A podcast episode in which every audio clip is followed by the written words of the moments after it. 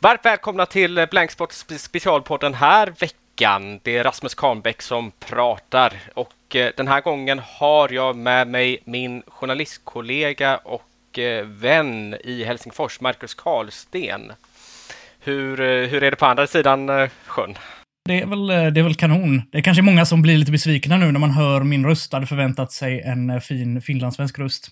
Nej, men vi är ju gamla vänner från Göteborg. Eh, men eh, idag ska vi ju eh, prata om en av mina granskningar, så att det är därför jag tagit in dig här för att kunna stötta mig lite i detta.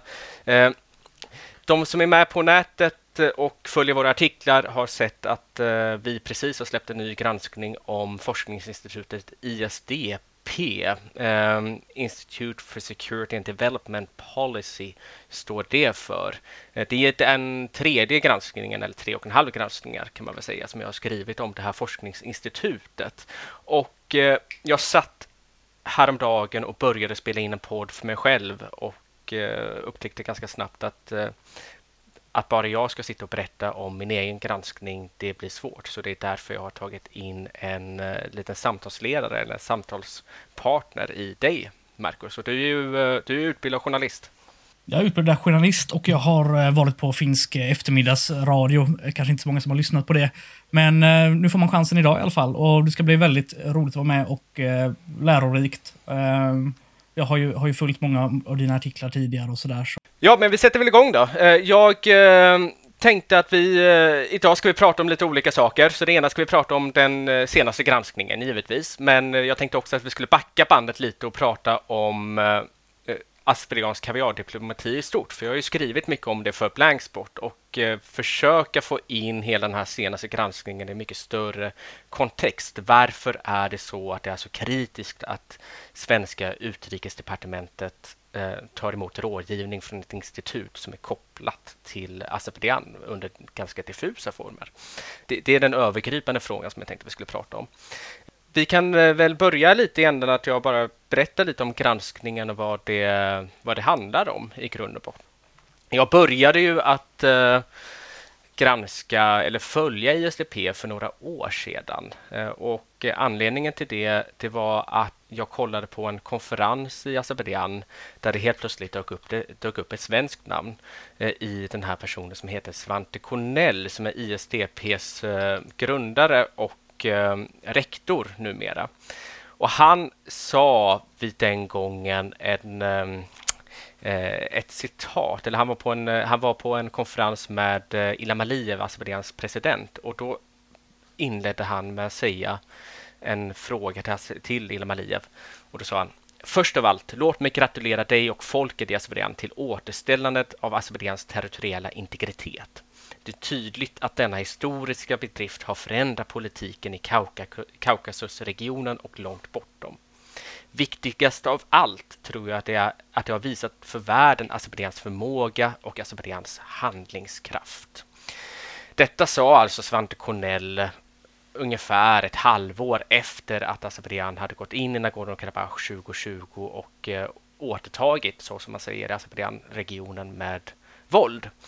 Ehm, och, det, och det väckte ju frågor. Eh, hur kommer det sig att vi har en svensk forskare som visar sig att den, att den är kopplad till svenska utrikesdepartementet på, på någon mån som ändå berömmer en, eh, en diktator? Just det. Så du, du, du, du, hade inte hört talas om eh, Svante innan dess alltså? Jag hade sett hans namn. Det hade, det hade liksom kommit med någonstans i periferin. Nu hade inte jag grävt så mycket i den azerbajdzjanska kaviardiplomatin eh, förrän dess eh, i, i någon större mån. Mm. Men jag insåg att när jag, när jag kollade på detta, att ju mer jag sökte på honom, desto fler träffar fick jag honom på Azerbajdzjan. Framför allt såg jag att Dagens Nyheter hade skrivit en artikel från 2017 där man ungefär samma sak som jag skrev. Man, man, man skrev om att ISDP har diffusa kopplingar till den här eh, diktaturen. Mm. Vad, vad de också skrev i DN var att ISDP tar emot pengar från, ett, från en azerbajdzjansk lobbyorganisation, TEAS. Eh, de skrev också att den här personen, Svante Cornell, satt i ett eh, i ett forskningsråd eller i ett form av rådgivningsråd för en forskningstidning i Azerbajdzjan. Och alla de här sakerna skedde fortfarande och då skrev jag ändå min artikel 2022, alltså fem år efter Dagens Nyheter. Just det. Ja, det är ju sex, sex år då har det här pågått i alla fall i eh, svenska medier. Ja, så att det har varit ganska väl, eh, väl känt eh, länge. Eh, men jag tänker vi backar bara bandet lite och eh, kollar lite på vad, eh, hur det kommer sig att vi har ett forskningsinstitut som Ehm, är rådgivande för UD och kan ha den här typen av kopplingar till Azerbajdzjan. För att det, det är inte alls säkert att en, eh, ett lands, for, eh, ett lands ehm, utrikesministerium har den här typen av kopplingar? Varför är det så att man tar in tankesmedjor? Varför tar man in forskningsinstitut som eh, hjälper till med policyutveckling överhuvudtaget? Det är inte någonting som är helt självklart. Det började 2006 med att vi fick den nya alliansregeringen och Carl Bildt blev utrikesminister och en av de första stora reformerna han gjorde innanför um, utrikesministeriet det var att uh, outsourca en del av policyutvecklingen. Och det kan ju faktiskt finnas skäl till att man vill göra det. Och vad jag menar med outsource är att normalt sett inom ett utrikesministerium så har man Eh, utvecklar man sina policyer med de tjänstemännen som jobbar där och man har avdelningar som jobbar med olika saker. Det gör man fortfarande på UD. Men det som skiljer åt nu med Carl Bildts nya strategi det är att han skapade delvis ett externt råd av eh, forskare som kunde komma in med särskild kunskap för särskilda regioner. Men vad man också gjorde var att eh, börja finansiera forskningsinstitut och tankesmedjor som skulle bistå de eh, egna tjänstepersonerna med policyutveckling. Ett av de här var då ISDP eh, där, eh, som startades 2008 och grundades 2008 och Svante Cornell blev ganska snart en del av det här rådet av personer som var kopplade till Carl Bildt. Och vad vi kunde se var att de första fem sex åren fram till 2013-2014 så var UD också den enda finansiären i princip och så var det en del andra svenska finansiärer också. Eh, men efter 2015 började man ta emot pengar från lite andra håll och kanter. Men med den här positionen som ett forskningsinstitut som då specialiserade sig på en del av världen där Sverige har generellt sett ganska låg kunskap och då pratar vi om södra Kaukasien, vi pratar om Centralasien. Eh, då kunde man, eh, få in den här, eh, kunde man få in de här personerna eh, i, i det här. Men ISDP grundades ut av Svante Cornell då 2008, men det var inte första gången han hade med Azerbajdzjan att göra, utan de här relationerna till Azerbajdzjan har ändå gått ganska långt tillbaka i tiden, vilket jag skriver om i en av de tidigare granskningarna. Eh, bland annat eh, så skrev han analytiska eh, texter redan på 1990-talet eh, om Azerbajdzjan.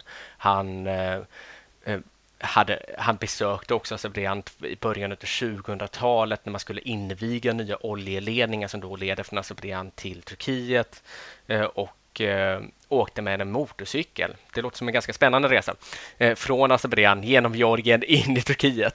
Verkligen. Och, och, för att promota då de här nya oljeledningarna eh, som, en, som en del av den grejen. Och sedan dess har, har egentligen relationen fortsatt. Han är eh, idag honorär, honorärdoktor vid ett azerbajdzjanskt universitet och, och har också blivit inbjuden till många konferenser genom åren. Så att, eh, då är vi ändå inne på 2010 ungefär när ISTP ISDP faktiskt börjar med eh, sina leveranser av rådgivning till, eh, till UD. Men vad som också sker i Azerbajdzjan vid den här tidpunkten 2010 det är inte bara det att Loreen är där och eh, eh sjunger i Eurovision. Hon vann väl, hon vann väl 2012. Det, det, det jag skulle säga var att eh, vid den här tidpunkten i Azerbajdzjan, som ändå var ett, redan då ett auktoritärt land, så genomgicks det vad man kallar för det big crackdown, eh, vilken är den stora nedbrytningen av civilsamhället. Och detta var ju någonting som Loreen gjorde en ganska stor sak av när hon eh, uppträdde där, att hon ville träffa civil, civilrättsaktivister och så vidare. Men vad som också skedde var att Azerbajdzjan inledde det som kallas för den azerbajdzjanska kaviardiplomatin. Detta var en benämning som, eh, eh, som man pratade internt om i, i Azerbajdzjan. Vad, vad det handlade om var att Azerbajdzjan eh, började lobba mot Europeiska unionen på sätt som kan uppfattas som ganska aggressiva. Just det. Kallades det kaviardiplomati även internt i Azerbajdzjan eller det är någonting som man har kallat det utifrån? Det är någonting så som jag förstår det eh, rätt, för eh, det, det som det oftast grundas på några rapporter som kommer från European Stability Initiative. Och det var en eh, tysk, eh, det är en tysk tankesmedja som 2014-2015 började släppa rapporter som eh, hette den azerbajdzjanska kaviardiplomatin. Och de hade fått sitt namn ifrån att eh, personer som var inblandade i det här använde det informella begreppet kaviardiplomati. Att man tyckte det var en ganska bra sak. Det här med att länder lobbar utomlands för att förbättra sitt rykte, det är väl egentligen ingenting märkligt eller märkvärdigt? Nej, det är det inte, utan alla länder, särskilt de som ändå har ganska starka relationer till eh, Europa, de, de lobbar ju på olika sätt och vis. Men det som, det som verkligen stack ut med det här var att man eh, ganska tidigt gick in och skapade den här strategin med kaviardiplomatin. Så vad, vad, man gjorde först och främst det var att starta en ny organisation i Europa som hette The European Azerbaijani Society, TIAS, som det eh, eh förkortas.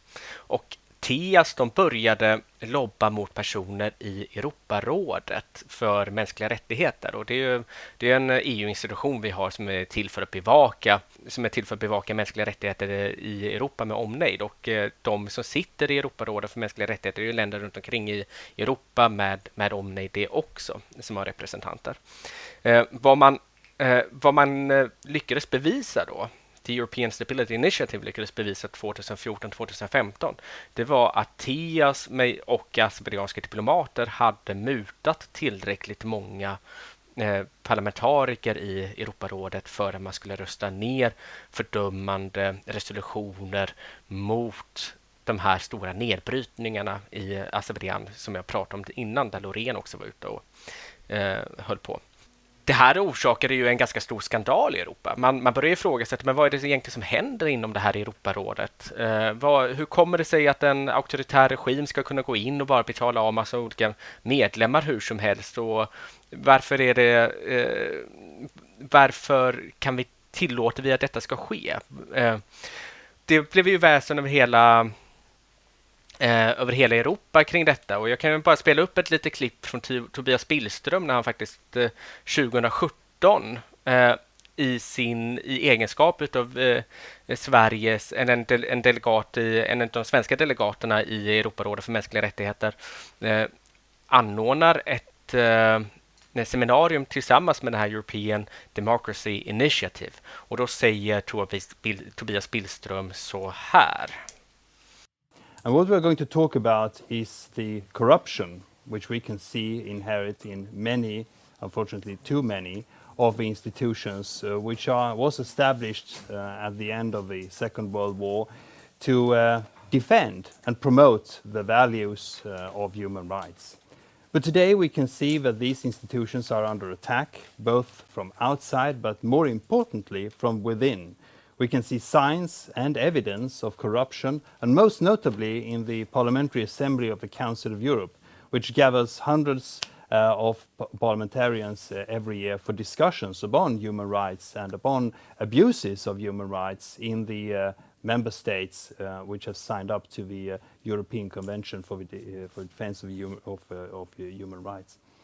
I am very pleased to start this seminar by introducing our guest speaker, which is uh, Dr. Gerald Knaus of the European Stability Initiative.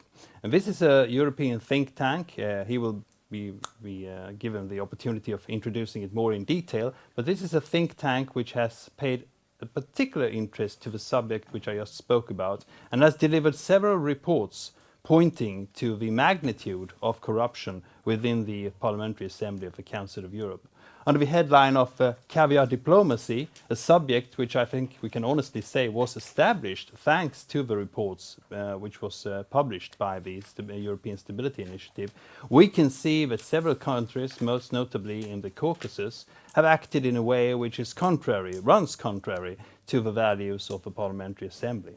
And this is something which is uh, very important for us in Sweden, Uh, I stand here not only as a, as a, a, member of parliament for the moderate party and not only as the first deputy speaker of the parliament, but also as the vice chair of the Swedish delegation to the Parliamentary Assembly of the Council of Europe. Uh, and we have, together with many other member states, acted uh, to try and uh, contradict this development and the escalation of the development of corruption. Att vad han menar är att eh, eh, det här får inte hända igen. Det är i princip vad han säger när han introducerar Gerald Knaus vid det här seminariet. Saken är den att samma, redan 2017 eh, så tog då ISDP emot pengar från TEAS, alltså de här som hade eh, mutat de här Europarådsdelegaterna. Och TEAS eh, Eh, hade redan gått in med finansiering hos ISDP 2015, alltså mitt under de här stora rapporterna som släpps om mutskandalerna i Europarådet så, släpp, så, så börjar ISDP alltså ta emot pengar från, eh, från TIAS under flera år. Eh, TIAS läggs sedermera ner 2017 eller inför 2018 på grund av att deras rykte har blivit så nedsvärtat av alla de här skandalerna. Så att det är ju anmärkningsvärt att vi har då ett forskningsinstitut eh, runt de här åren som ändå rådger svenska UD på frågor som har med södra Kaukasien samtidigt som tar emot pengar från eh, en eh, azerbajdzjansk lobbyorganisation som gjort sig ökänd för att ha mutat Europaparlamentariker. Mm, eh, det här med ISDP och eh, finansieringen. Hade de behövt ta emot de här pengarna eller är det det att eh, UDs bidrag inte räckte till? Eller kan man säga någonting om den aspekten?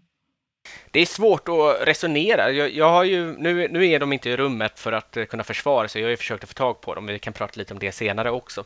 Men Eh, det är ju svårt att säga om de verkligen hade behövt de här pengarna och vad var egentligen syftet med att ta emot de här, de här pengarna. Så att UD gav ju ändå vid den här tidpunkten ett eh, årligt verksamhetsstöd som är högre än vad, den är, eh, än vad det är idag. Eh, om jag inte minns helt fel så rör det sig om 6-7 miljoner kronor vid 2015 till 2017. Idag får de 5 miljoner kronor årligen. eh, plus lite mer pengar för lite andra saker. Ehm, så det, det, är en bra fråga. Hade de verkligen behövt pengarna? Ja, förmodligen hade de behövt pengarna för att kunna expandera och det är ju faktiskt ett av de här syftena liksom med, att, med att UD har själva kärnstödet för dem, vilket innebär att de sedan kan söka en massa andra projektpengar när man ska göra olika projekt. Um, om jag har förstått saken rätt, så ah, de pengarna som de tog emot från TEAS var inte Eh, projektpengar i den månaden, utan det var faktiskt pengar som de bara fick som en gåva. Ehm, det innebär inom, eh, inom den här branschen så skiljer man ofta på vad som är projektbaserade medel och det som heter generella medel. Eh, och när det är generella medel så får man, så får man fritt disponera dem så som man själv som man vill göra och det, och det är den typen av medel som man gärna vill ta emot för att man, man föredrar ju att vara fri i sin eh, disponering av eh, medel snarare än att vara styrd av dem. Mm, det, finns, det finns väl liksom ingen organisation som, i världen som hade sagt att vi behöver inte mer pengar, vi avstår, utan det är väl den moraliska aspekten här som är problematisk. Precis, så, så är det. Alltså det, det är ju därför som de här granskningarna blir intressanta också. Eh, och det säger också någonting om, eh, om tidevarvet någonstans, att vi har eh, auktoritära regimer som faktiskt försöker påverka utrikespolitiken i olika länder. Och detta är ett sätt att göra det på. Men jag brukar dela upp eh, den aspiranska kaviardiplomatin för att vara lite strukturerad i tre olika segment. Det ena segmentet som jag kallar den lite mer azerbajdzjansk, eller den lite mer aggressiva eh, eh, episoden, det är då mellan 2008 och 2015. Det var när TS var som mest aggressiva och då handlade det om mutor. Efter 2015 om man då om sin strategi Eh, till att rikta sig mycket mer mot eh, akademiker. Eh, och det kan vi ju faktiskt se. Alltså det var efter 2015 som ISDP började ta emot pengar och vad man gör är att man i Azerbajdzjan rent inrikespolitiskt sett så så grundar man ett nytt universitet. Det heter ADA-universitetet. Det, är, det var redan innan dess en tankesmedja som var specialiserad på att utbilda diplomater. Nu helt plötsligt blir det det största universitetet i, i Azerbajdzjan. Det eh, startades av azerbajdzjanska utrikesministeriet och Ilham Aliyev, eh, presidentens eh, presidenten, hans hustru Merban Alieva går in som en av ledamöterna och det är hennes farbror som då blir rektor för det här universitetet och ordförande för universitetet. och detta gör man 2015. Detta gör man fortfarande. Så att man, man har lite olika eh, tankesmedjor. Bland annat har man också startat upp något som heter Air Center som jag nämner i granskningarna. Air Center är, man kan jämföra med Svenska utrikespolitiska institutet, alltså UI, och det är ju en statlig tankesmedja, en gongo som det heter på engelska. Men sedan kom ju kriget eh, 2020 eh, mellan Armenien och Azerbajdzjan och eh, Azerbajdzjan går in och Eh, tar kontroll över två tredjedelar av de områden man förlorade på 1990-talet, Nagorno-Karabach. Och efter det så kommer det en ny ganska intressant vändning i det hela i den här kaviardiplomatin. Och det handlar om att man vill förnya sitt rykte. Man vill, vill förnya sin identitet, brukar jag prata om. Och Eh, börjar betala journalister för att åka till Azerbajdzjan. Man betal, några får betalt, men de flesta får sina resor betalda. Eh, jag, jag blev ju också erbjuden en sån resa, en, en helt betald resa till Azerbajdzjan och det, och det handlade helt enkelt om att de ville att man skulle lyfta konflikten ur ett azerbajdzjanskt perspektiv. Eh, sedan 2020, sedan krigsslutet 2020, har man bjudit upp mot 450 journalister på sådana här resor. Men man har också bjudit forskare man har också bjudit turister och olika delar. Så då har vi de här tre segmenten eh, i den eh, i, eh, kaviardiplomatin. Den första med mutskandalerna 2008 till 2015. Det andra när man börjar rikta sig mot, den, mot akademierna och det kallar jag för den akademiska diplomatin från 2015 som pågår än idag. Och så har vi det tredje segmentet som började då, då efter 2020 när man, när, när man börjar eh, rikta sig mot journalister och forskare för bjudresor till Azerbajdzjan. De här eh, journalisterna som, eh, som åkte till Azerbajdzjan, eh, hur, hur har artiklarna sett ut efteråt? Har det varit några artiklar som har kommit utifrån det här? Eller är det, har, tror du, har det funnits något sånt krav alltså jag brukar prata om att alltså, Azerbajdzjan satsar mer på kvantitet än kvalitet när det kommer till de här artiklarna. Så att genom att bjuda jättemånga journalister så hoppas de åtminstone på att några journalister blir influerade och att de kan eh, bli knutna till de azerbajdzjanska nätverken och azerbajdzjanska vänskapsbanden. Men vad vi kan se är Ehm, det händer ibland att vi ser artiklar som är väldigt vinklade pro-azerbajdzjanska på olika sätt och vis. Och det kan man se på retoriken, hur de beskriver konflikten, varför de beskriver konflikten på ett visst sätt och vilka människor de intervjuar. Oftast är det samma personer man intervjuar och det är samma person, intervjupersoner som finns i Nagorno-Karabach eller, eller någon vice utrikesminister och så vidare. Och men de får sällan ganska st någon större spridning. Eh, så att det är ett ganska ineffektivt sätt att knyta till sig journalister. Oftast är det ganska obsku obskyra journalister får man ändå säga.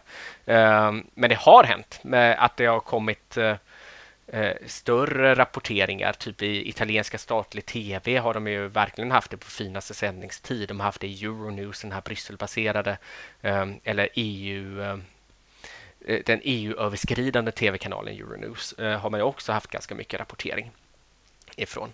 Eh, så det har, ju fungerat, det har ju fungerat till viss mån. Men jag tänker, vi, vi går vidare, vi släpper lite det. Alltså det är själva bakgrunden till den azerbajdzjanska kaviardiplomatin och varför det är intressant. Och då, då har jag några komponenter jag bara vill att man ska komma ihåg här. Alltså det ena är det här ADA-universitetet och Air Center som ändå kommer följa med oss lite. Och det tredje är eh, TIAS, eh, den här finansieringen från, eh, eh från eh, lobbyorganisationen.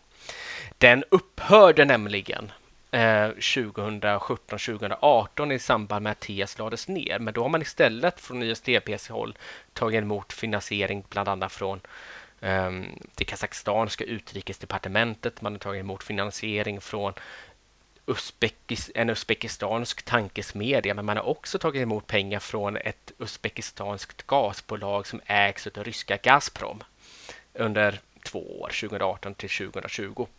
Så det är slående att ISDP trots allt tar emot finansiering från ganska märkliga platser. Eh, och efter 2020 har man ovanpå det tagit emot pengar också det när jag ställde frågan till ISDP så förklarade de att eh, det var ett, eh, att är en engångsdonation under två års tid. Och det är från ett azerbajdzjanskt byggbolag som ägs av Aliyev-familjen. Så att varför ska då ett... det, det, är en ganska intrikat fråga någonstans. Alltså, varför ska en ett svenskt forskningsinstitut som rådger UD ta emot pengar från ett azerbajdzjanskt byggbolag. De, de upphörde med detta efter 2022. Eh, mm. Och det var väl efter Blankspots artiklar om det här? Precis, så det var efter de här granskningarna vi gjorde som de upphörde med att ta emot de här pengarna från byggbolaget. Northwest Construction heter det.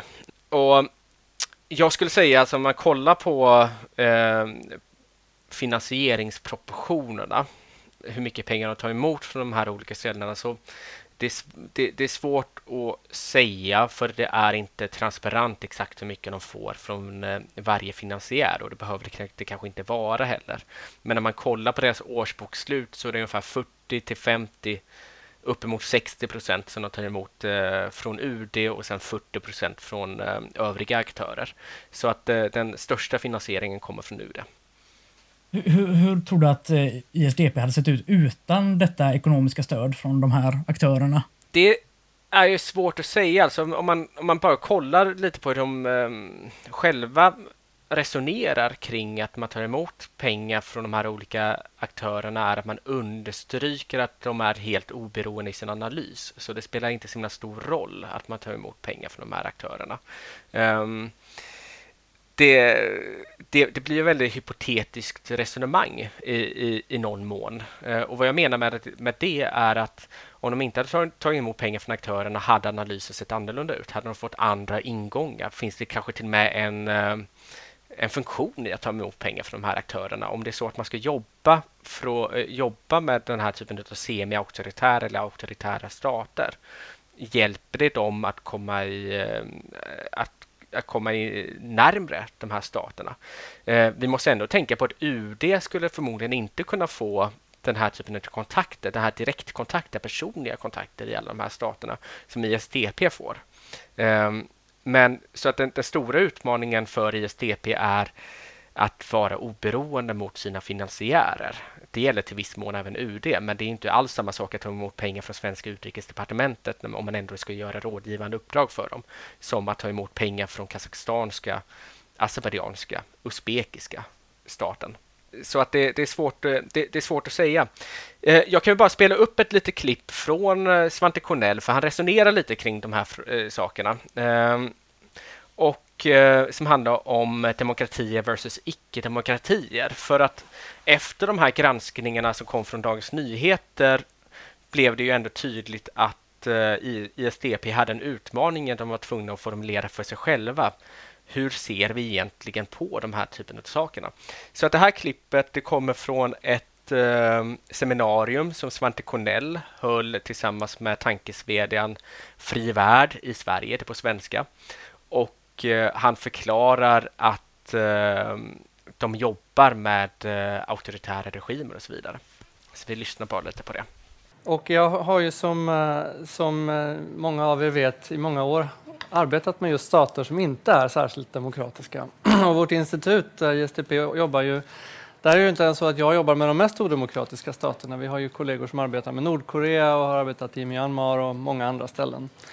Och det här har gjort att vi på något sätt har hamnat i ett litet dilemma för vi finns, vi, hela vårt eh, vad ska man säga, existensberättigande är just att engagera den här typen av stater och att arbeta i och med de här staterna samtidigt som vi befinner oss i en ska vi säga, ett debattklimat där, där det handlar väldigt mycket just om att peka finger. Och det har gjort att eh, jag har börjat ägna mig åt att tänka lite mer åt just de här frågorna om, eh, på ett principiellt plan, inte bara då i det enskilda fallet, hur hanterar man den här och den här staten, vad är rätt eller fel? Men hur bör man tänka mer principiellt? Finns det några principiella så att säga, mm, eh, linjer kring vilket man bör, man bör arbeta när man ser hur demokratiska stater mer allmänt bör hantera icke-demokratiska stater. Och eh, någonstans har väl mitt perspektiv kommit fram till att vi, vi har ett slags paradigm som fortfarande befinner sig någonstans strax efter 1989. Nämligen att eh, den liberala demokratin har besegrat kommunismen några årtionden efter att den har besegrat fascismen. Nu hörde vi på det här klippet med Svante Cornell eh, där han eh, börjar resonera eh, kring eh, eh, kring att man ändå jobbar med auktoritära regimer och han ställer sig själv frågan som vi hörde att vad hur ska man jobba med dem rent principiellt? Alltså det är ett ganska långt eh, seminarium, det är ungefär en halvtimme, 40 minuter, men lä vi lägger det som en länk i, eh, i den här artikeln som den här podden kommer ut med på blanksport.se, så kan ni ju klicka in er på den och eh, lyssna på hela. Men jag vill ändå spela upp ett lite längre klipp, det är ungefär tre minuter långt, ehm, där han eh, ganska fritt får resonera kring eh, det här med auktoritära regimer. Hur ska man egentligen faktiskt förhålla sig till dem? Så vi lyssnar på det också. Tidigt så har vi eh, traditionella autokratier som inte alls på, den här, på det här sättet drivs av någon ideologi som som gör dem till, till svårhanterliga i det internationella samfundet, vilket snart för mig över på nästa fråga. Men vi ser väldigt många länder, även så att säga, länder i den muslimska världen som har utmärkta relationer till Israel, um, som eh, välkomnar partnerskap med, med, med, Europa och med USA, som inte har något inslag av antisemitism eh, eller antiamerikanism eller antieuropeiska åsikter i sin, i sin officiella media eller sitt utbildningssystem. Eh, och jag kom ju naturligtvis in i detta efter att ha observerat många sådana länder i Centralasien och södra Kaukasien. Eh, vi har dessutom i den regionen de enda sekulära staterna i den muslimska världen efter att Turkiet har gått i en annan riktning. Eh, I eh, resten av Mellanöstern har vi länder som Jordanien och Marocko som använder sin religiösa legitimitet som deras monarkier har för att motverka den, den radikala eh, extremismen. Och till slut då så är, kom jag över då på hur länderna beter sig internationellt. Jag har redan varit inne på det och tiden håller på att rinna ut. Men eh, där är en viktig faktor att många auktoritära stater är revisionistiska och expansionistiska. Men jag tror att det har inte särskilt mycket att göra nödvändigtvis med hur fria eller hur repressiva de är. Det kan ha att göra mer med deras historia, med deras storlek. Samtidigt har vi mindre auktoritära stater som inte har någon imperial historia som, eh, som jag var inne på i exemplet Kazakstan, är utomordentliga världsmedborgare och eh, söker att, eh, stabiliserande faktorer snarare än, än, än destabiliserande faktorer. Så låt mig bara avsluta där på konsekvenserna hur detta bör påverka vår utrikespolitik. Men jag menar att vi bör skilja lite grann på, på hur regimerna beter sig i hur vi ska engagera dem. De regimer som dels är mest repressiva, Eh, drivs av antidemokratiska, antivästliga ideologier och dessutom destabiliserar sina grannar eh, är väldigt svåra att ha en konstruktiv relation till. Och där har vi naturligtvis länder som Iran, eh, även Ryssland, som, som är relevanta, i allt högre grad då Turkiet. Samtidigt som det då finns mindre länder ehm, som, som är lika auktoritära, men bete, eller kanske mindre auktoritära, men beter sig på ett annat sätt i det internationella samfundet som då är lättare att ha ett, ett långsiktigt partnerskap med.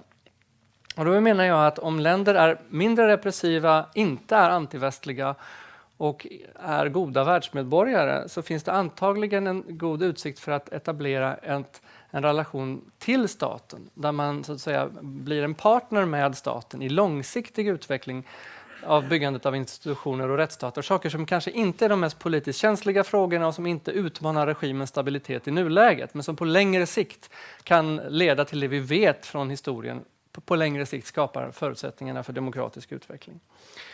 Eh, och då menar jag att ha den här typen av antagonistiska eh, relationer där man då fokuserar inte på att arbeta med staten utan mot staten blir snarare kontraproduktivt. Däremot har vi då stater som är mycket mer repressiva och dessutom bedrivs av eh, fientligt inställda ideologier så är det orealistiskt att tro att man ska kunna vara en partner med den här staten och försöka eh, åstadkomma starka förändringar inifrån.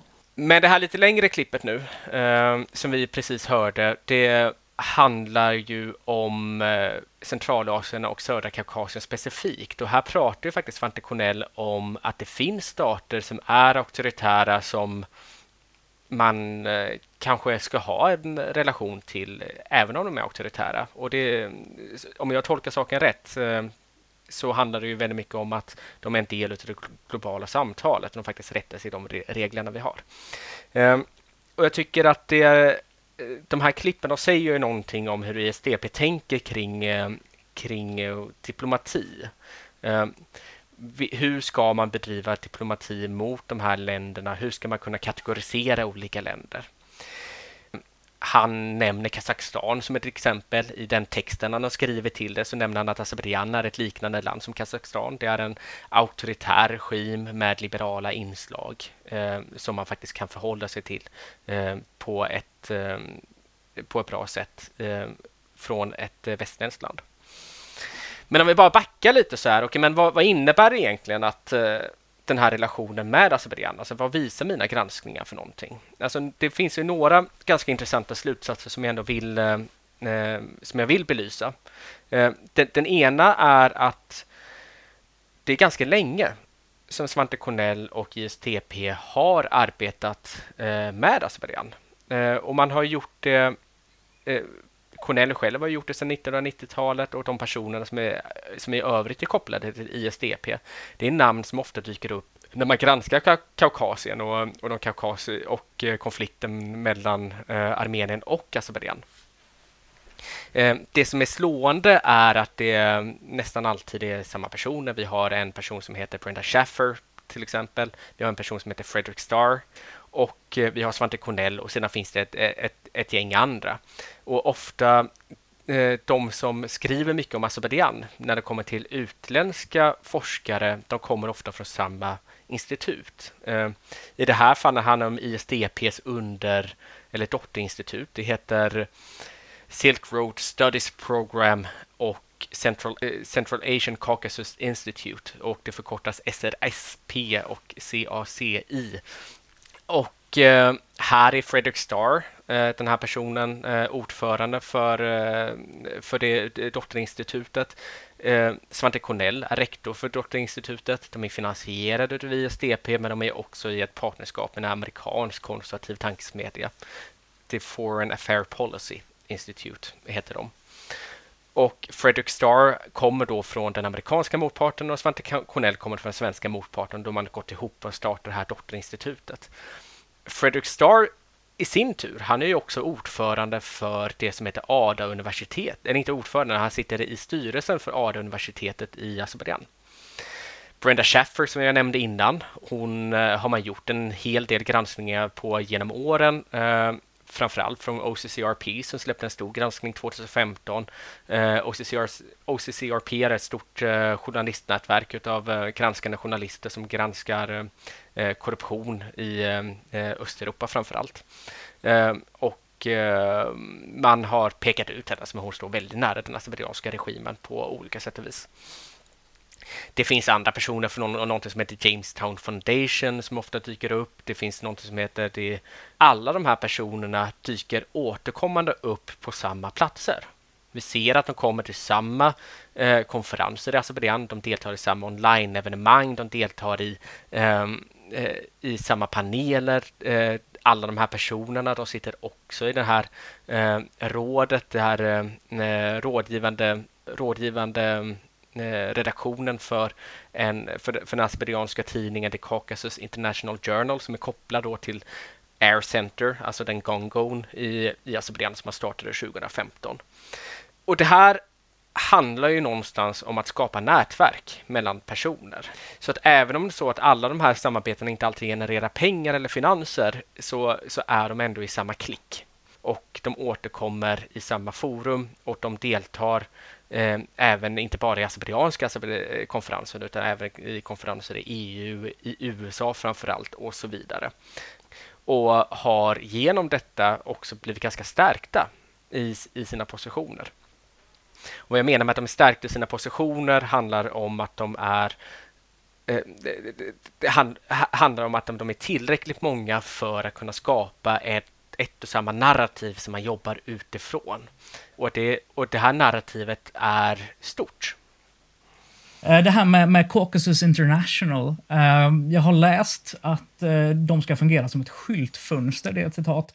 Tjänar Azerbajdzjan någonting på att ha personer från andra länder aktiva inom det här? Och vad är ens Caucasus International? Ja, men Caucasus International är en tidskrift som produceras av Air Center den här azerbajdzjanska gongon. Eh, och ehm, den, om vi bara kollar på Air Centers eh, uppdrag så handlar det ju om att eh, belysa den azerbajdzjanska eh, saken i världsdiplomatin. eh, ehm, och, och, det gör ju att The Caucasus International blir, eh, blir i förlängningen, det, det, det följer Air Center syfte i, i någon mån. Och här sitter man då eh, i, i det här rådet. Det verkar inte vara så att det är så jättemycket jobb för Svante Cornell. Han har ju tidigare sagt tidigare, nej, han har tidigare en, i en tidigare granskning har sagt att det här är ett obetalt uppdrag. Eh, det handlar om en eller två texter per år där man sitter och bara eh, är rådgivare till de här texterna. Är det, är det en förmildrande omständighet att det är obetalt, tycker du? Um. Jag tror, jag tror man måste skilja på saker och ting eh, på något vis. Alltså det, ena, det ena handlar ju om att det är betalt, eh, att eh, ISDP faktiskt tar emot pengar från Azerbajdzjan eh, och har gjort det under ganska många år. Man kan väl säga att det blir som en, som en tjänster och gentjänster nästan på något, eh, på något sätt. Okej, men här kanske vi får pengar till ISDP och så ställer vi upp med manskap i, i ett sånt här råd om det är förmildrande eller obetalt, ja men det är det ju till viss mån. Alltså det är ju eh, det är inte ovanligt att man sitter som forskare i olika former av kommittéer och eh, vetenskapsskrifter och är, är rådgivare. Eh, men man gör det ofta i vetenskapsskrifter där man faktiskt håller med om själva syftet med dem. Så att jag, jag skulle nog säga att eh, i detta fall handlar det mer om att vara en del av själva det här nätverket som jag pratade om tidigare. Att The Caucasus International Journal eh, är, är, i, är, bara symbiost med hur Azerbajdzjan faktiskt arbetar med sina internationella forskare. Eh, du ställer också en fråga om eh, de tjänar någonting på att ha utländska eller eh, externa forskare, utländska forskare som är med i detta. Alltså det, det, det gör det ju till en viss del. Alltså det, ett jätteproblem i konfliktzoner, eh, vilket vi kan se i alla konfliktzoner, om det är Israel, Palestina, Ryssland, Ukraina eller Armenien, Azerbajdzjan, är att så fort det är någon av en viss etnisk börd som har en åsikt så tillskrivs den personen en partiskhet. Eh, trots att den kanske nödvändigtvis inte är partisk. I ett eh, eh, eh ett sätt att kunna, kunna komma runt det för att man vill få nå ut med sina idéer från ett land som Azerbajdzjan, det är ju att ha nätverk med lojala forskare eller personer som man eh, eh som man kan eh, influera på olika sätt och vis. Och uppenbarligen har man lyckats influera ISDP. Eh, och det kan vi faktiskt kolla på ISDPs egen forskning på området. Den är, den är influerad från det asperianska perspektivet på det viset att vi faktiskt kunde se det bland annat på det här citatet som jag läste upp i början med Svante Cornell ehm, där han berömde Ilham Aliyev för krigsvinsten. Ehm, det är ju någonstans utifrån ett folkrättsligt perspektiv där, där Azerbajdzjan anser att man har eh, rätten eh, på sin sida att, att faktiskt gå in med våld i, i Nagorno-Karabach trots att det var fredsförhandlingar under ganska lång tid. Men jag tänkte vi kan väl eh, kolla lite på hur de faktiskt har influerat, eh, hur det, hur det går till. För den senaste granskningen, den är ju ganska... Eh, den är ny på det viset att det inte bara handlar om ISDPs kopplingar till Azerbajdzjan utan det faktiskt handlar om svensk politik med UD och så vidare. Så att det senaste med granskningen är ju att UD under våren 2023, mitt under konflikten, under den här blockaden, eh, av Azerbajdzjan mot Nagorno-Karabach gick in med extra medel till eh, till ISDP på 200 000 kronor initialt. Och sedan skedde ju det som många som har följt Blanksport också känner till, att eh, Azerbajdzjan gick in med eh, en militäroffensiv och eh, orsakade en massflykt från Nagorno-Karabach med över 100 000 armenier. Efter det gick, eh, gick UD in med en miljon kronor till till, eh, till ISDP. Och då hade man ett grundanslag på 5 miljoner kronor och så har man eh, helt plötsligt lagt till 1,2 miljoner kronor. Och i beslutet från UD står det specifikt att det här ska gå till deras expertis på Kaukasien. Eh, och det är därför de får mer pengar. Och då får man ju tolka det som att UD ändå har respekterat ISDPs rådgivning på den här frågan. Ehm, och eh, om de nu har gjort det så måste det också fått någon form av inverkan och resultat. det är svårt att mäta de eh, inverkan och resultaten på grund av att UD inte vill lämna ut den typen av dokument där det faktiskt står hur Eh, hur ISDP har rådgivit för UD, vilket är ett problem. Alltså det är ett demokratiskt problem till viss del som vi journalister ofta möter. Så att eh, när vi gör en sån här granskning så det, det kan ju ta flera veckor att, att få ihop en sån här granskning. Och, eh, ofta börjar man i den änden att eh, man formulerar problemet. Jag, försöker, jag brukar vara ganska tidig ut med att eh, kontakta UD för jag vet att de kan vara ganska långsamma i sina eh, svarsfrekvenser eh, och att jag vet att det dyker alltid upp mer frågor när det kommer till komplexa ämnen. Eh, och det, det, har det ju verkligen gjort i det här fallet. Så att det första, eh, det första underlaget jag fick ut från UD det var just det här beslutet om ISDP, att vi har ökat eh, finansieringen till USD, ISDP här under året med 1,2 miljoner. De andra underlagen jag fick ut från UD, det var eh, de var så gott som helt och hållet maskade. Och vad de handlade om var vilken rådgivning eh, och hur, vilken rådgivning har ISDP gentemot UD? Vilke, vad baserar UD sin politik på gentemot Azerbajdzjan och så vidare. Och detta kommer ju ändå i en tid så efter den här eh, de facto etniska rensningen som skedde i september så kommer detta i en tid då EU har kallat till att man ska omorientera sin syn på Azerbajdzjan. En av de stora frågorna handlar just om sanktioner mot Azerbajdzjan. Är EU beredda att gå in med sanktioner mot Azerbajdzjan? Jag har också läst det här att EU utreder hur de kan förstärka sin civila observationsstyrka i Armenien. Um, hur skulle det fungera i praktiken när Ryssland ändå har en militär roll i området kring Nagorno-Karabach i konflikten? Ja, men det, det, är också en intressant fråga för att det som har uppstått är ju ett ganska enskilt... Eh, från, från, EUs, eh, från EUs perspektiv har man eh, gått in eh, eh, tydligt eh, och sagt att vi vill stötta Armenien efter det som har skett i Nagorno-Karabach. Eh, och man har börjat formulera då de här, eh, vad man kallar på engelska red lines, de röda linjerna, eh, gränsdragningarna gentemot Azerbajdzjan. Ehm, och detta handlar ju om att man vill, vill pusha undan Ryssland på olika sätt och vis. Samtidigt som detta har skett, alltså att EU går in starkare stöd för Armenien som ändå inte vill ha Ryssland. De sänder ju ut signalen att de på sikt vill bli av med det ryska inflytandet i Armenien, även om det ekonomiskt ökar, eh, så har eh, Azerbajdzjan faktiskt närmat sig, eh, sig Ryssland de senaste, senaste månaderna, vilket också är en sån här fråga som, som hänger ihop med det här med sanktioner. Ehm, är det, ska man sanktionera Azerbajdzjan på grund av att de inte vill gå tillbaka till förhandlingsbordet med ett EU-inflytande eller, eller ska man sanktionera Azerbajdzjan på grund av att de närmar sig Ryssland för mycket? Eh, eller ska man sanktionera Azerbajdzjan på grund av att de faktiskt har fördrivit 100 000 människor ut ur Nagorno-Karabach?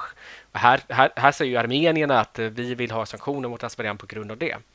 Däremot, vad vi kunde se ganska tydligt i de här underlagen från eh, UD och protokollen som, som som faktiskt inte är sekretessbelagda, som finns på riksdagens hemsida, eh, protokollen från EU-nämnden bland annat, eh, under hösten, så redogörs det för att eh, UD har gått in och tagit en ställning där man säger att vi vill inte ha sanktioner överhuvudtaget.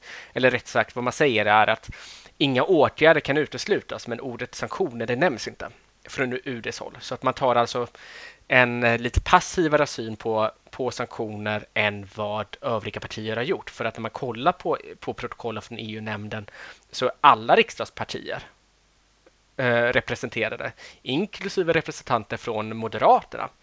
Eh, de är ju ute efter att vi vill, gärna, vi vill att Sverige ska verka för att EU ska införa sanktioner mot Azerbajdzjan.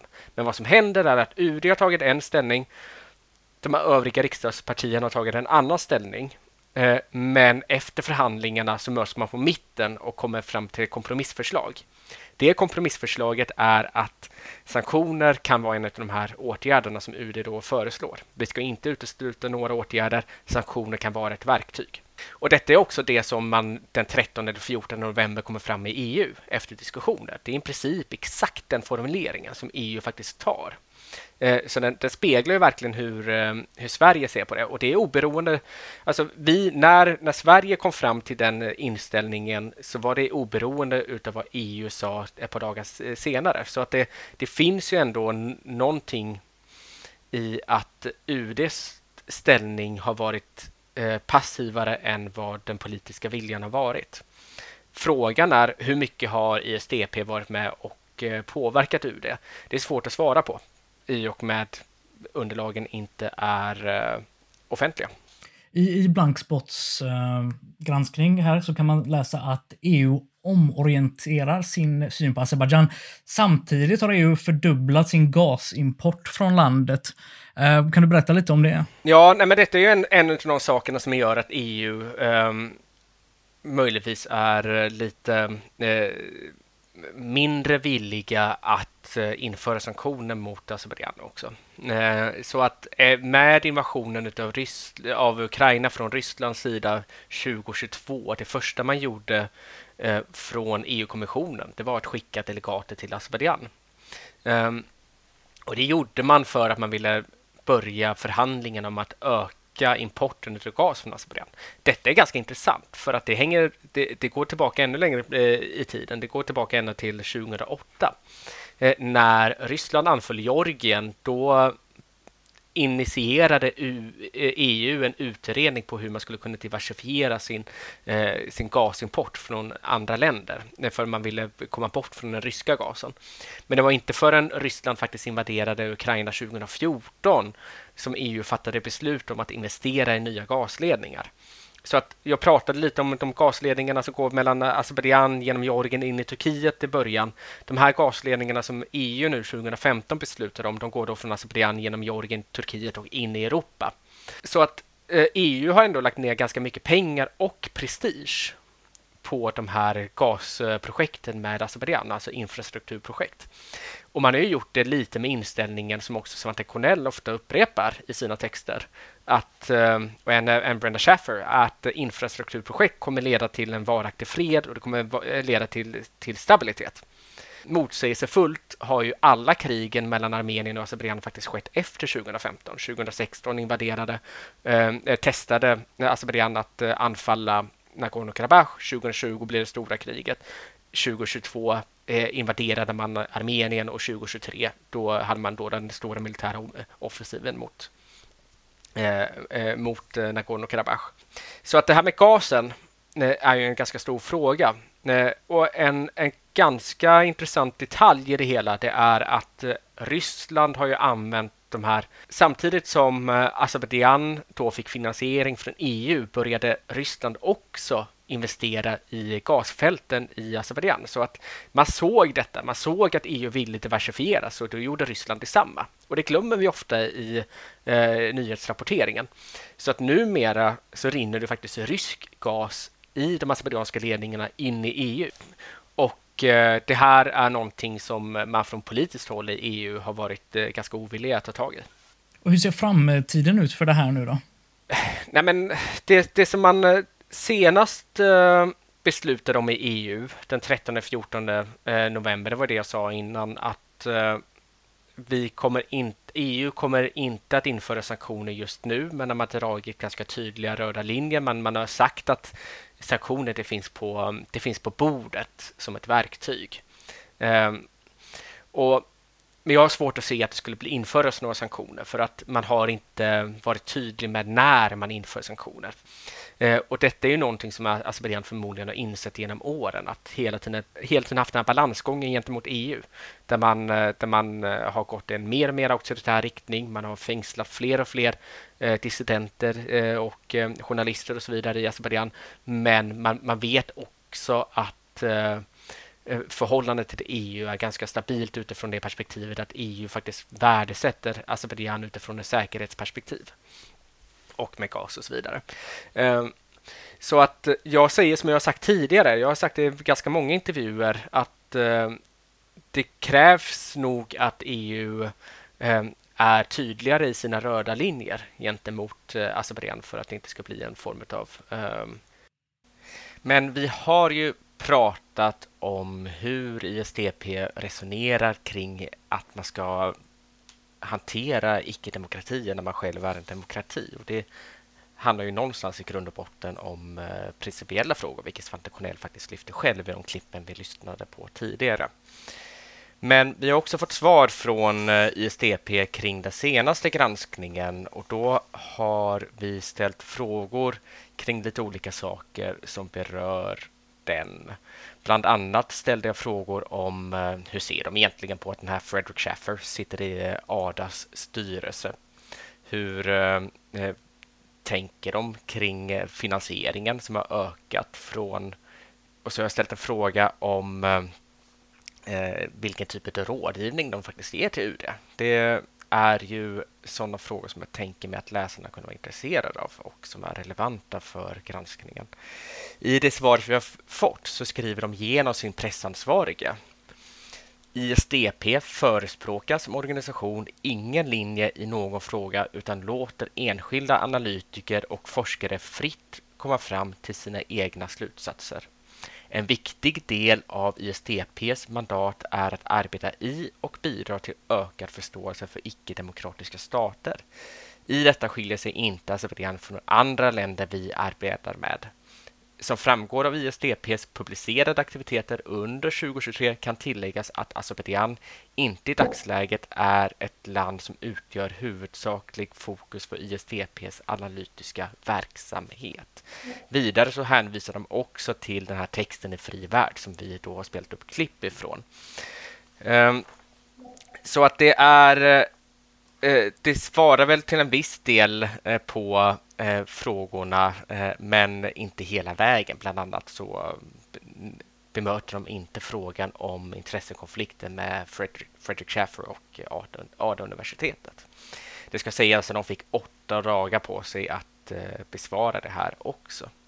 Tidigare har de resonerat ganska liknande och man kan väl gå in och läsa de eh, svaren från en av granskningarna från 2022.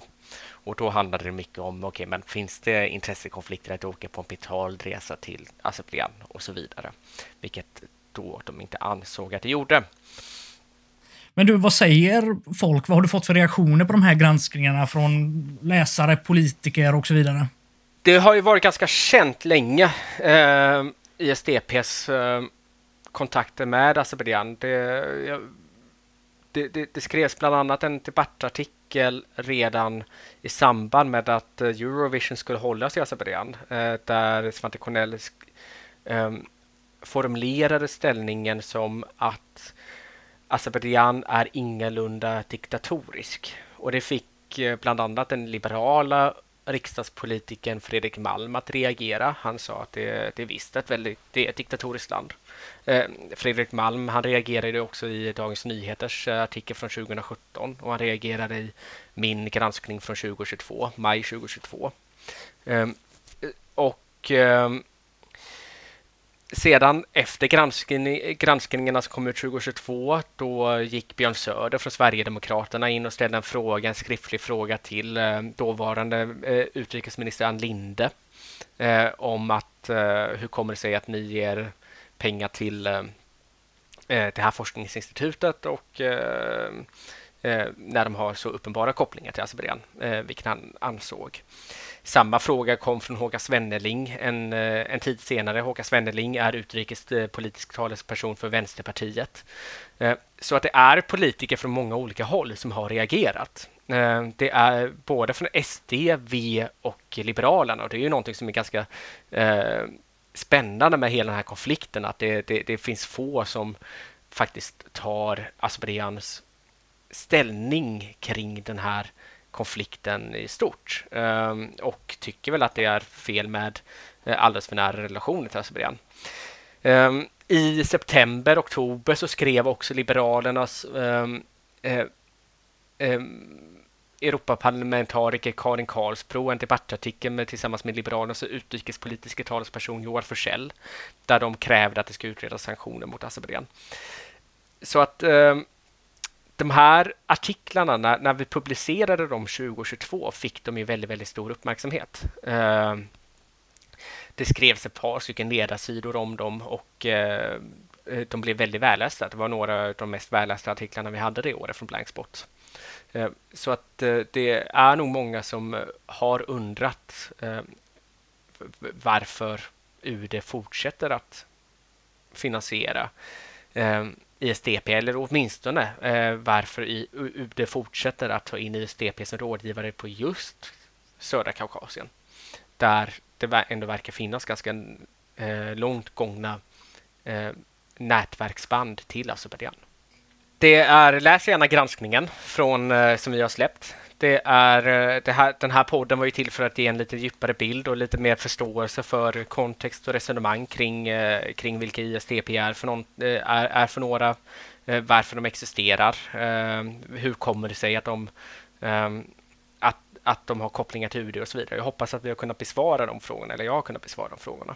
Så att eh, jag får väl tacka för att du eh, hängde med på detta, Marcus. Det var skönt att ha ett litet eh, samtalsstöd när, när man så jag inte bara sitter och pratar helt i tomma intet. Nej, jag tackar också för att jag fått, eh, fått eh, vara med. Jag har ju lyssnat på podden innan och eh, följt med i dina texter och sånt där i övrigt, vi uh, kämpar ju på. Så att uh, om du vill bli prenumerant så gå gärna in på blanksport.se och uh, tryck på stöd oss eller support oss. Support us.